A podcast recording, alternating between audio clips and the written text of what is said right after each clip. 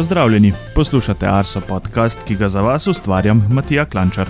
Vstopamo v novo, že šesto sezono Arso podcasta. Pred vami je 106. epizoda, kjer bova s klimatologom Gregorjem Vrtačnikom pregledala vremensko dogajanje letošnjega poletja po svetu, ki je bil v več pogledih res ekstremen. Na naš podcast se še vedno lahko naročite. Poiščete nas lahko v vaši najljubši podcast aplikaciji ali na Spotifyju, najdete pa nas tudi direktno na naši spletni strani. Če vam je podcast všeč, povejte še drugim. V stik z nami pa lahko stopite preko elektronskega naslova podcast.arso.afnago.si. Seveda smo prisotni tudi na družbenih omrežjih, kjer z veseljem delimo vaše slike zgodbe ali se z vami pogovarjamo o vremenu. Na Twitterju smo Meteosi, na Facebooku in Instagramu pa nas najdete pod imenom Arso Vreme. Osrednja tema. Že pred odhodom na poletni premor sva z današnjim gostom Gregorjem Vrtačnikom predvidevala, da bo kmalo jeseni verjetno dobro pregledati, kaj se je dogajalo poleti. In seveda se bova v današnjem pogovoru dotaknila ekstremnega poletja, ki je sedaj lahko bi rekli končno za nami. Gregor, zdravo. Živijo. Kaj ti bo ostalo v spominu iz letošnjega poletja? Ja, letošnje poletje, ne samo v Sloveniji, ko smo imeli julija ogromno število neuri in avgusta te hude poplave, mi bo najbolj ostalo v spominu po izredno velikem številu izjemnih dogodkov po svetu. In to tako vročinskih rekordov, kot obsežnih požarov v različnih delih sveta. Uh, in pa na koncu, že na prehodu v meteorološko jesen, pa še izjemnih poplav, tako v Grčiji kot v Libiji.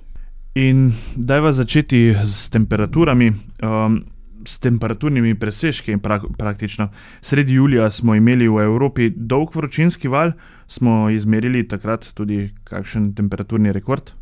Ja, vročinski val sredi julija, zlasti v Južni Evropi, Severni Afriki, občasno tudi v delu Srednje Evrope je bil izjemno dolgotrajen, zelo izrazit, tako da smo izmerili ogromno vročinskih rekordov, teh je toliko, da bi za naštevanje verjetno potrebovali svojo oddajo, mislim, svoj podcast. Uh, če začnemo s 10. julijem, takrat je bilo na jugu Španije marsikaj nad 40 stopinj, recimo v Kordobi 44 stopinj Celzija, naslednji dan v Švici zelo vroče, recimo v Ženevi 37 stopinj, kar je kar precej za Švico. 15. julija je bil višek vročinskega vala v Srednji Evropi, ko so v Nemčiji na Češkem izmerili ponekod nad 38 stopinj Celzija. Dva dni kasneje smo pri nas izmerili uh, 37 stopinj, sicer v Dubličah pri Črnomlu, kar je sicer uh, visoka temperatura, a glede na zadnja, večinoma vroča poletja, pa nič kaj izrednega. No, potem čez nekaj dni se je pa višek vročine preselil bolj proti Balkanu, pa deloma tudi je bil eh, vrh vročinskega vala dosežen uh, obali Severne Afrike. Tako da je bilo 23. julija v Grčiji do 46 stopinj, v Alžiru in pa v Tunisu takrat, oziroma naslednji dan, kar 49 stopinj, no 24. julija pa je v Albaniji padel absolutni rekord s 44 stopinjami Celzija se pravi, so izmerili najvišjo temperaturo v celotnem nizu meritev, na Sardini pa celo 48 stopinj. No, in ta vrednost na Sardini je ena najvišjih kadarkoli izmerjenih temperatur v Evropi. Kakšni pa so bili poletni meseci v Evropi v povprečju? Evropi je bilo poletje kot celota peto najtoplejše, je bilo sicer hladnejše v narkovajih od lanskega, še vedno pa je bil odklon kar znaten na dolgoletno povprečje kar nič celih 8 stopinje Celzija, pri čemer so bile precejšnje razlike med deli Evrope, pa tudi med posameznimi meseci. Recimo juni je bil praktično posod po Evropi nadpovprečno topo, julija se je pa, se je pa temperaturna slika spremenila in sicer uh, s tistim vročinskim valom, ki sem ga ravno prej omenil, je bil južni del Evrope izjemno topo, marsikje celo najtoplejši juli doslej, medtem ko je bil pa sever Evrope pa dokaj svež. Ne? Se pravi, smo imeli zelo velik kontrast med dokaj svežim vremenom, recimo nad Dansko, pa nad Skandinavskim polotokom in pa izjemno vročino na sredozemlju. Uh, August je bil drugi najtoplejši na ravni Evrope, za lanskim, rekordno vročim. Le od nekako od Anglije do juga Skandinavije je bilo hladnejše od dolgoletnega povprečja. Bilo je pa zelo vroče avgusta ne samo v jugozahodni, temveč tudi v vzhodni Evropi. In tudi v vzhodni Evropi je, bilo, je padlo nekaj vročinskih rekordov ali pa so bili zelo blizu temu. Če smo Evropo pregledali, kakšno pa je bilo poletje globalno? Ja, globalno je bilo pa poletje še bolj ekstremno kot v Evropi. Namreč vsi trije meseci meteorološkega poletja so bili rekordno topli, kar je kar precej nenavadno, glede na to, da šele vstopamo v obdobje Enlinja. Junij je bil pol stopinje, julij in avgust pa celo 70 stopinje Celzija nad uh, dolgoletnim povprečjem. In uh, obdobje od januarja do avgusta je zdaj zaradi tega rekordno vročega poletja že praktično izenačeno z zelo toplim, oziroma rekordno toplim letom 2016, in zaradi tega, ker prehajamo v vse močnejši Elinijo, je praktično že precej verjetno, da bo letošnje leto globalno najtoplejše doslej.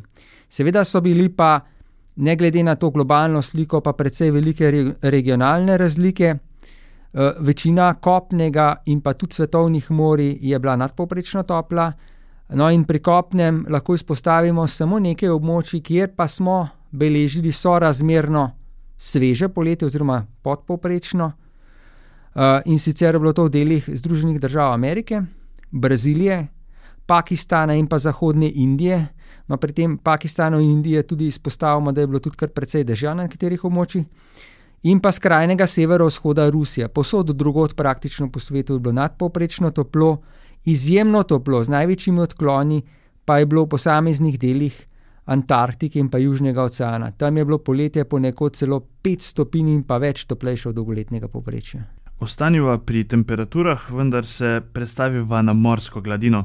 Se je pretoplo morje, ki smo ga omenjali že v pomladanskih podcastih, nadaljevalo tudi v poletje? Ja, temperatura morja letos kaže neverjetno sliko, še bolj istopajoče kot to, kar se dogaja na kopnem. In sicer že od sredine marca na globalni ravni morje rekordno toplo, vse skozi. Uh, zlasti izjemno je bilo pa v tem uh, letošnjem poletju, ko, bile, ko je bila poprečna temperatura na morski gladini tudi za 3 ali 4 desetinke stopinje Celzija nad, nad prejšnjim rekordom, kar se sliši malo, vendar moramo upoštevati, da se morje ogreva počasneje od kopnega in da je trend naraščanja temperature morske gladine zdaj v zadnjih uh, dveh, treh desetletjih približno ali celo nekoliko manj kot nič celih dve stopinje Celzija na desetletje. Se pravi, da je bil ta letošnji odklon od prejšnjega rekorda ustrezan nekako 20 letom segrevanja, globalnega segrevanja. Uh, in kar je še zanimivo, letos je bilo morje kot celota na svetovni ravni najtoplejše konec avgusta, običajno je pa marca. Tudi to kaže v nenavadnih razmerah. Uh, je pa to verjetno splet več dejavnikov, ki so se sočasno sklopili v ta izjemno velik temperaturni odklon.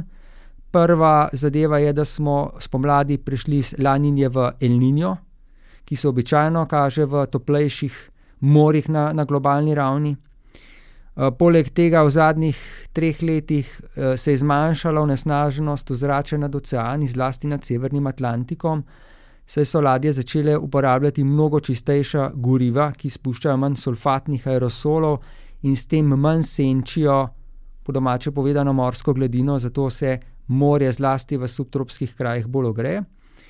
E, tretja zadeva je naravna spremenljivost, ki je verjetno letos v neki, recimo, temu pozitivni fazi. Četrta, seveda, je pa globalno segrevanje, ki se iz leta v leto nadaljuje in pa postopno dviguje, recimo, ta uh, nek, nek dolgoletni okvir uh, temperature morja. No, in če gledamo regionalno, smo imeli rekordno topo severni del Atlantika, tudi za več kot pol stopinje Celzija nad prejšnjim rekordom. In ta, to rekordno toplo območje v severnem Atlantiku, skupaj z zelo toplim morjem zahodno od obale Peruja in Ekvadorja zaradi El Niña, sta bila glavna dejavnika, ki sta vodila do te globalno zelo visoke temperature zraka. In pa uh, imeli smo tudi izjemne razmere sredi julija in pa konec julija v Sredozemskem morju, ko je bil dosežen nov rekord, namreč površje Sredozemskega morja je imelo konec julija v povprečju skoraj 29 stopinj Celzija. Kakšne so pa kaj trenutne razmere? Trenutne razmere so še vedno kar precej zanimive. Sicer v sredozemlju ne več toliko, kot je bilo poleti, vendar je pa v nekaterih območjih še vedno več kot tri, lokalno celo pet stopinj topleje, kot je običajno v tem času, se pravi sredi septembra, in to je recimo jugovzhodno od Kanade uh, oziroma južno od Grenlandije, v delih Atlantske obale ob Evropi, od severne obale Španije prek Skandinavije do Arktičnega oceana, tudi tam je, se pravi, v teh območjih je precej toplo. Potem pa območje okoli Japonske, kjer je odklon izjemno velik, tudi presega 5 stopinj Celzija, in na Japonskem, recimo, so ravno zaradi tega zelo toplega morja beležili letos poleti številne vročinske rekorde, in vročinski val, verjeli ali ne, se še vedno nadaljuje, in smo že sredi septembra. In ponekod na Japonskem temperature še vedno dosegajo ali presegajo 35 stopinj Celzija. Potem zadnje območje, ki je stopajoče, pa seveda območje El Ninja v pasu zahodno od Ekvadorja in Peruja. Prav tako smo v enem od junijskih podkastov omenjali tropske ciklone. In od takrat smo beležili kar nekaj zelo močnih tropskih ciklonov in orkanov. Za začetek bi pogledala na Pacifik, eh, kjer smo avgusta opazovali orkan Hillary. Kaj se je dogajalo, oziroma kaj je povzročila Hillary? Orkan Hillary je bil precej nenavaden orkan, ki je nastal sredi avgusta zahodno od Mehike. 16. avgusta uh, je, se je ta uh, tropska depresija počasi ukrepila v tropski vihar, uh, precej južno, v resnici od Mehike. Uh, in potem potovalo v naslednjih dneh proti severozahodu, približno sporedno z obalo Mehike, in se na to 17. in 18. avgusta v odličnih razmerah za krepitev orkana, se pravi nad zelo toplim morjem, vlažnem ozračju in pa s šibkim striženjem vetra z nadmorsko višino, ukrepila v orkan, se ta orkan ukrepil v orkan četrte stopnje, s povprečno hitrostjo vetra do 230 km/h. Vendar pa so se te razmere kar hitro spremenile, že 19. augusta je orkan precej oslabel in naslednji dan dosegel kopno na polotoku Baja California, če prevedemo to v, v, v slovenščini, pomeni dobesedno nizka Kalifornija. To je polotok zelo ozek in pa zelo dolg, ki se razteza od Kalifornije daleč eh, proti jugu. No, in 20. augusta oziroma noči na 21. august je pa potem dosegel tudi zvezdno državo Kalifornija, se pravi v Združenih državah Amerike, kjer je sicer ta tropski ciklon še uslabil v, v tropski vihar in kasneje v ciklon zmernih geografskih širin, vendar pa je bil ta uh, orkan oziroma tropski ciklon Hillary prvi tropski ciklon, ki je, ki je dosegel zvezdno državo Kalifornijo po ciklonu no-, Nora leta 1997. Če se ne motim, je bilo kar nekaj zanimivih padavinskih rekordov, tudi Dolina smrti je takrat dobila v tem obdobju uh, orkana Hillary um, kar veliko količino padavin. Ja, območja, ki so izrazito poščavska, poščavske doline v skrajnem jugozahodnem delu ZDA, pa tudi na mehiški strani, ki običajno prejmejo manj kot 200 mm dežja v celem letu so dobile precej veliko, ponekod celo rekordno količino padavin. Tudi južno, južni deli Kalifornije, ti obaljni deli, recimo Los Angeles, San Diego in tako naprej, so dobili nenavadno veliko dežja. Tako, če pogledamo nekaj podatkov izmerjenih, je v Los Angelesu padlo 63 mm dežja v enem dnevu, kar je nov rekord za to merilno mesto.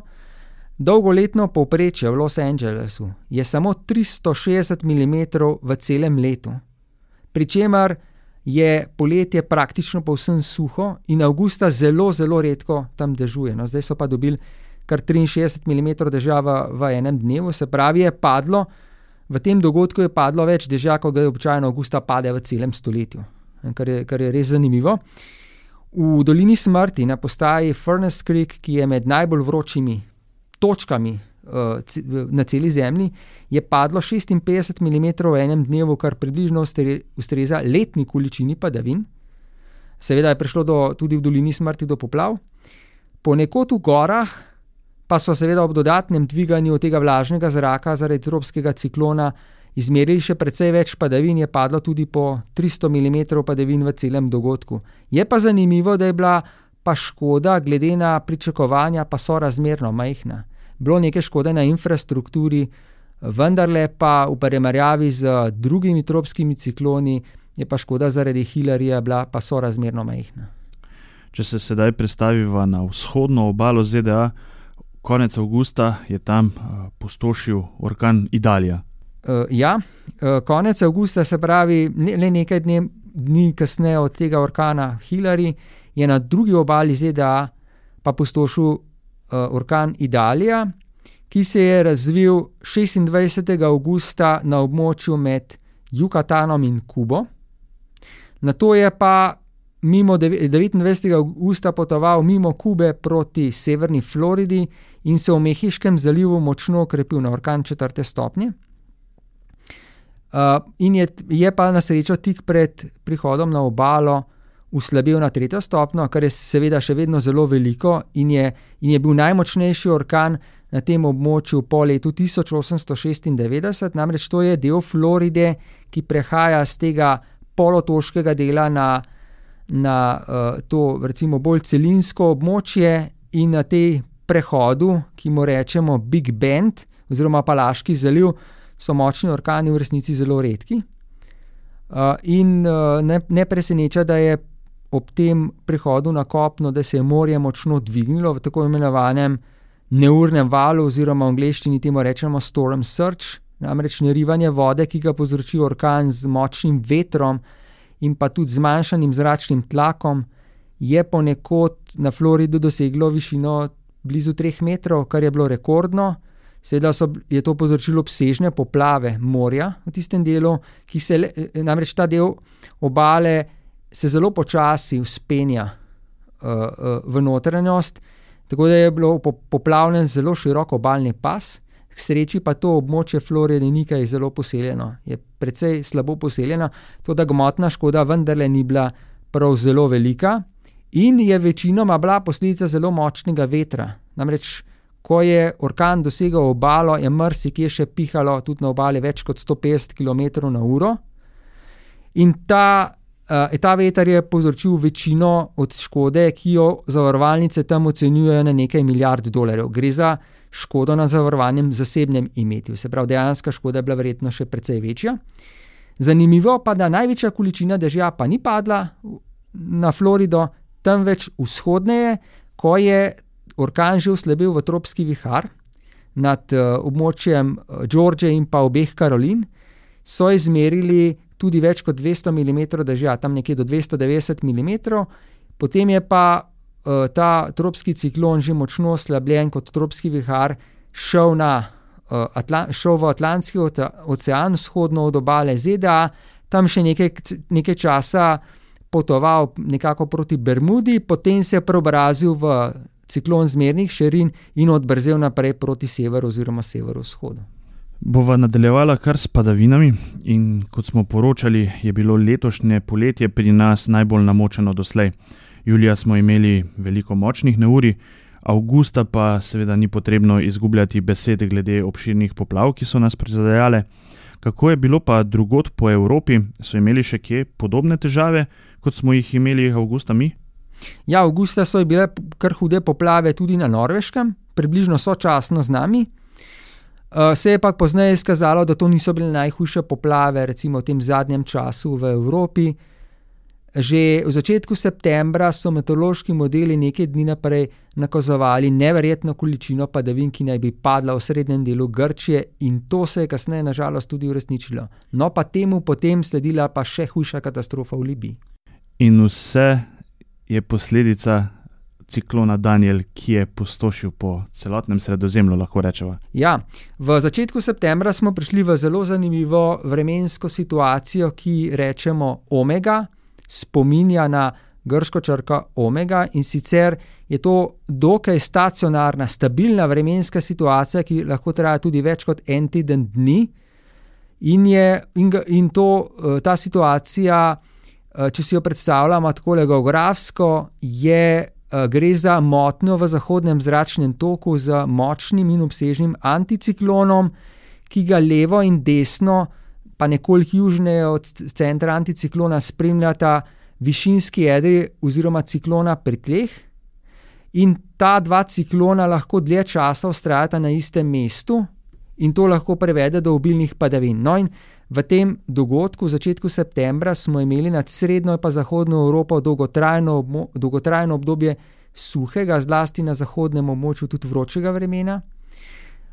Nad Iberskim polotokom uh, smo imeli, pa, oziroma okolico smo imeli en ciklon, oziroma eno višinsko jedro hladnega zraka, ki je povzročalo poplave, predvsem v Španiji, na drugi strani, v srednjem oziroma vzhodnem sredozemlju, pa zlasti nad Grčijo oziroma proti Libiji, pa drugo območje uh, nizkega zračnega tlaka z višinskim jedrom hladnega zraka. No, in to drugo območje je bilo pa odgovorno tako za poplave v Grčiji, kot potem za poplave v Libiji. No, in to drugo območje, uh, se pravi tega dogajanja vremenskega, je bilo povezano s prodorom hladnega zraka, ki je v začetku septembra iznad severa Evrope najprej doseglo Balkan in potem nad Sredozemskim morjem povzročilo nastanek prizemnega ciklona. Hkrati se je pa ta hladen zrak v višinah odcepil samostojno jedro hladnega zraka. In to vremensko dogajanje je potem bilo od 4. do 12. septembra, pri čemer je na začetku bilo najhuje v Grčiji, pa sosednjih pokrajinah Bolgarije in Turčije. Uh, zlasti hudo je bilo v grški pokrajini Tesalija, kjer, je, kjer se je vlažen zrak dva oziroma celo tri dni narival na uh, pregrade. Ta vlažen zrak prišel iznad Egejskega morja, potem z vzhodnim vetrom se je naril na uh, hribovite pregrade v Tesaliji in je zlasti v tem obalnem pasu, v teh gorah, ki se dvigajo iznad morja, padla neverjetna količina padavin. Uh, po nekaterih virih celo več kot 1000 mm lokalno v 24 urah, kar tam, kar, kar tam ustreza uh, več kot enemu letu dežja, poprečno, in pa več desetkratni količini padavin, ki običajno pade septembra. Ogromno padavin je bilo tudi v notranjosti Tesalija, v tistem ravninskem delu, kjer imamo dve mesti in sicer Lariso in pa Volos, in celotne poplave so tam zajele neverjetno veliko površino, precej večjo recimo kot v Sloveniji, saj je bilo po meritvah več kot 700 km2 pod vodo.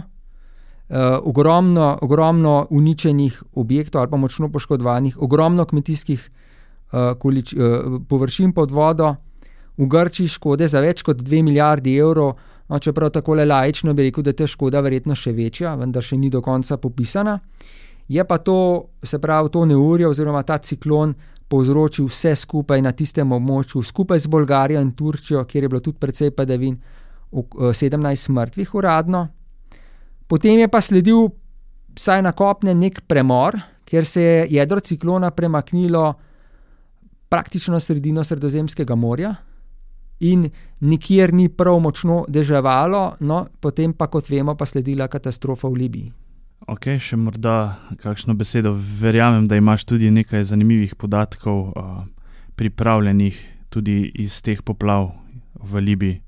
Ja, poplave v Libiji so bile pa posebne zaradi tega, ker pa ni šlo za običajne hudourniške poplave, temveč je prišlo do porušanja dveh jezov, uh, ki so potem uh, vode z teh jezov je, so potem preplavile Derno v noči z 10. na 11. september. Namreč Libija je v približno pred 50 leti tam na reki oziroma vadiju, se pravi, gre za bolj ali manj suho korito, zgradila dva jezova, uh, zaradi tega, ker so potrebovali boljšo skrbo s pitno vodo ki bi jim pomagala tudi do boljšega namakanja kmetijskih površin, pa hkrati uvarovala naj bi pred hudimi poplavami, hudourniškimi. Uh, to je območje severovzhodne Libije, zgodovinska pokrajina Cirenajka, uh, ki ima posebno geografsko značilnost, namreč tam se obala dokaj hitro dvigne do nadmorske višine več kot 500 metrov in je relief precej podoben tistemu na območju obale Tesalije, ki so poplave prizadele nekaj dni prej. No, in ko je ta sredozemski ciklon Daniel, ki je bil nekakšen hibrid med tropskim ciklonom in pa običajnim ciklonom, uh, ki smo jih vajeni v Evropi, ko je svojim jedrom šel južno oziroma vzhodno od tega pogorja na severu Libije, je, se je veter uh, obrnil na severno smer in je narival vlažen in topov zrak na to hribovito pregrado, in tam so v kraju Bajda izmerili kar 414 mm dežja v enem dnevu, kar je skoraj da letno povprečje padavin, in zaradi tega je prišlo do uh, nenadnih poplav.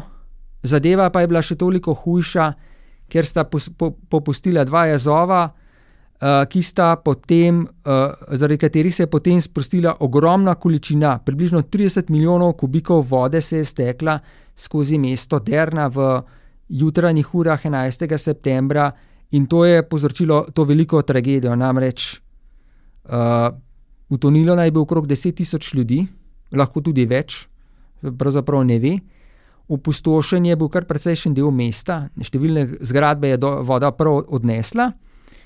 Uh, in ta katastrofa je druga najhujša katastrofa zaradi porušenja, porušenja jezu na svetu v celotni zgodovini.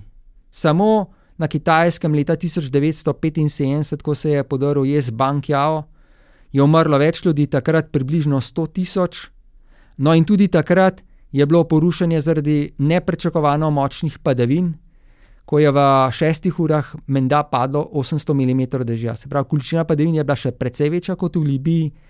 Uh, tež, tako kot v Libiji, pa glavna težava bila takrat v tem, da je popustil jez, ki je zadržal ogromno količino vode. Gregor, pripravljen imamo tudi še sklop o gozdnih požarih poleti. Ampak, če pogledam malce na uro, sva že kar dolga za današnji podcast, pa me zanima, ali še to obdelava ali morda postiva tudi za kakšen drug, za kakšno drugo epizodo Arso podcasta? E, ja, mogoče bi o tem spregovorili v posebni epizodi, ker je nekaj, nekaj kar zanimivosti glede teh požarov letos poleti v različnih delih sveta, pa hkrati sezona požarov, verjeli ali ne, v Kanadi še ni končana. Tam, zlasti v srednjem delu Kanade, je še vedno zelo toplo in obsežni požari še kar divjajo. Potem pa pustiva to za kdaj drugič. Eh, najlepše se ti zahvaljujem za tvoj čas, da si znova odprl sezono Arso podcasta kot uh, gost. Ogromno zanimivih podatkov navržeš, uh, morda tudi za nadaljne razmišljanje naših poslušalcev. Seveda pa hvala tudi vam, drage poslušalke in poslušalci. To je bila 106. epizoda Arso podcasta. Če vam je bila všeč, nam pustite kakšen komentar. Seveda pa vam tudi v novi sezoni želim čim več lepega vremena in se slišimo čez 14 dni.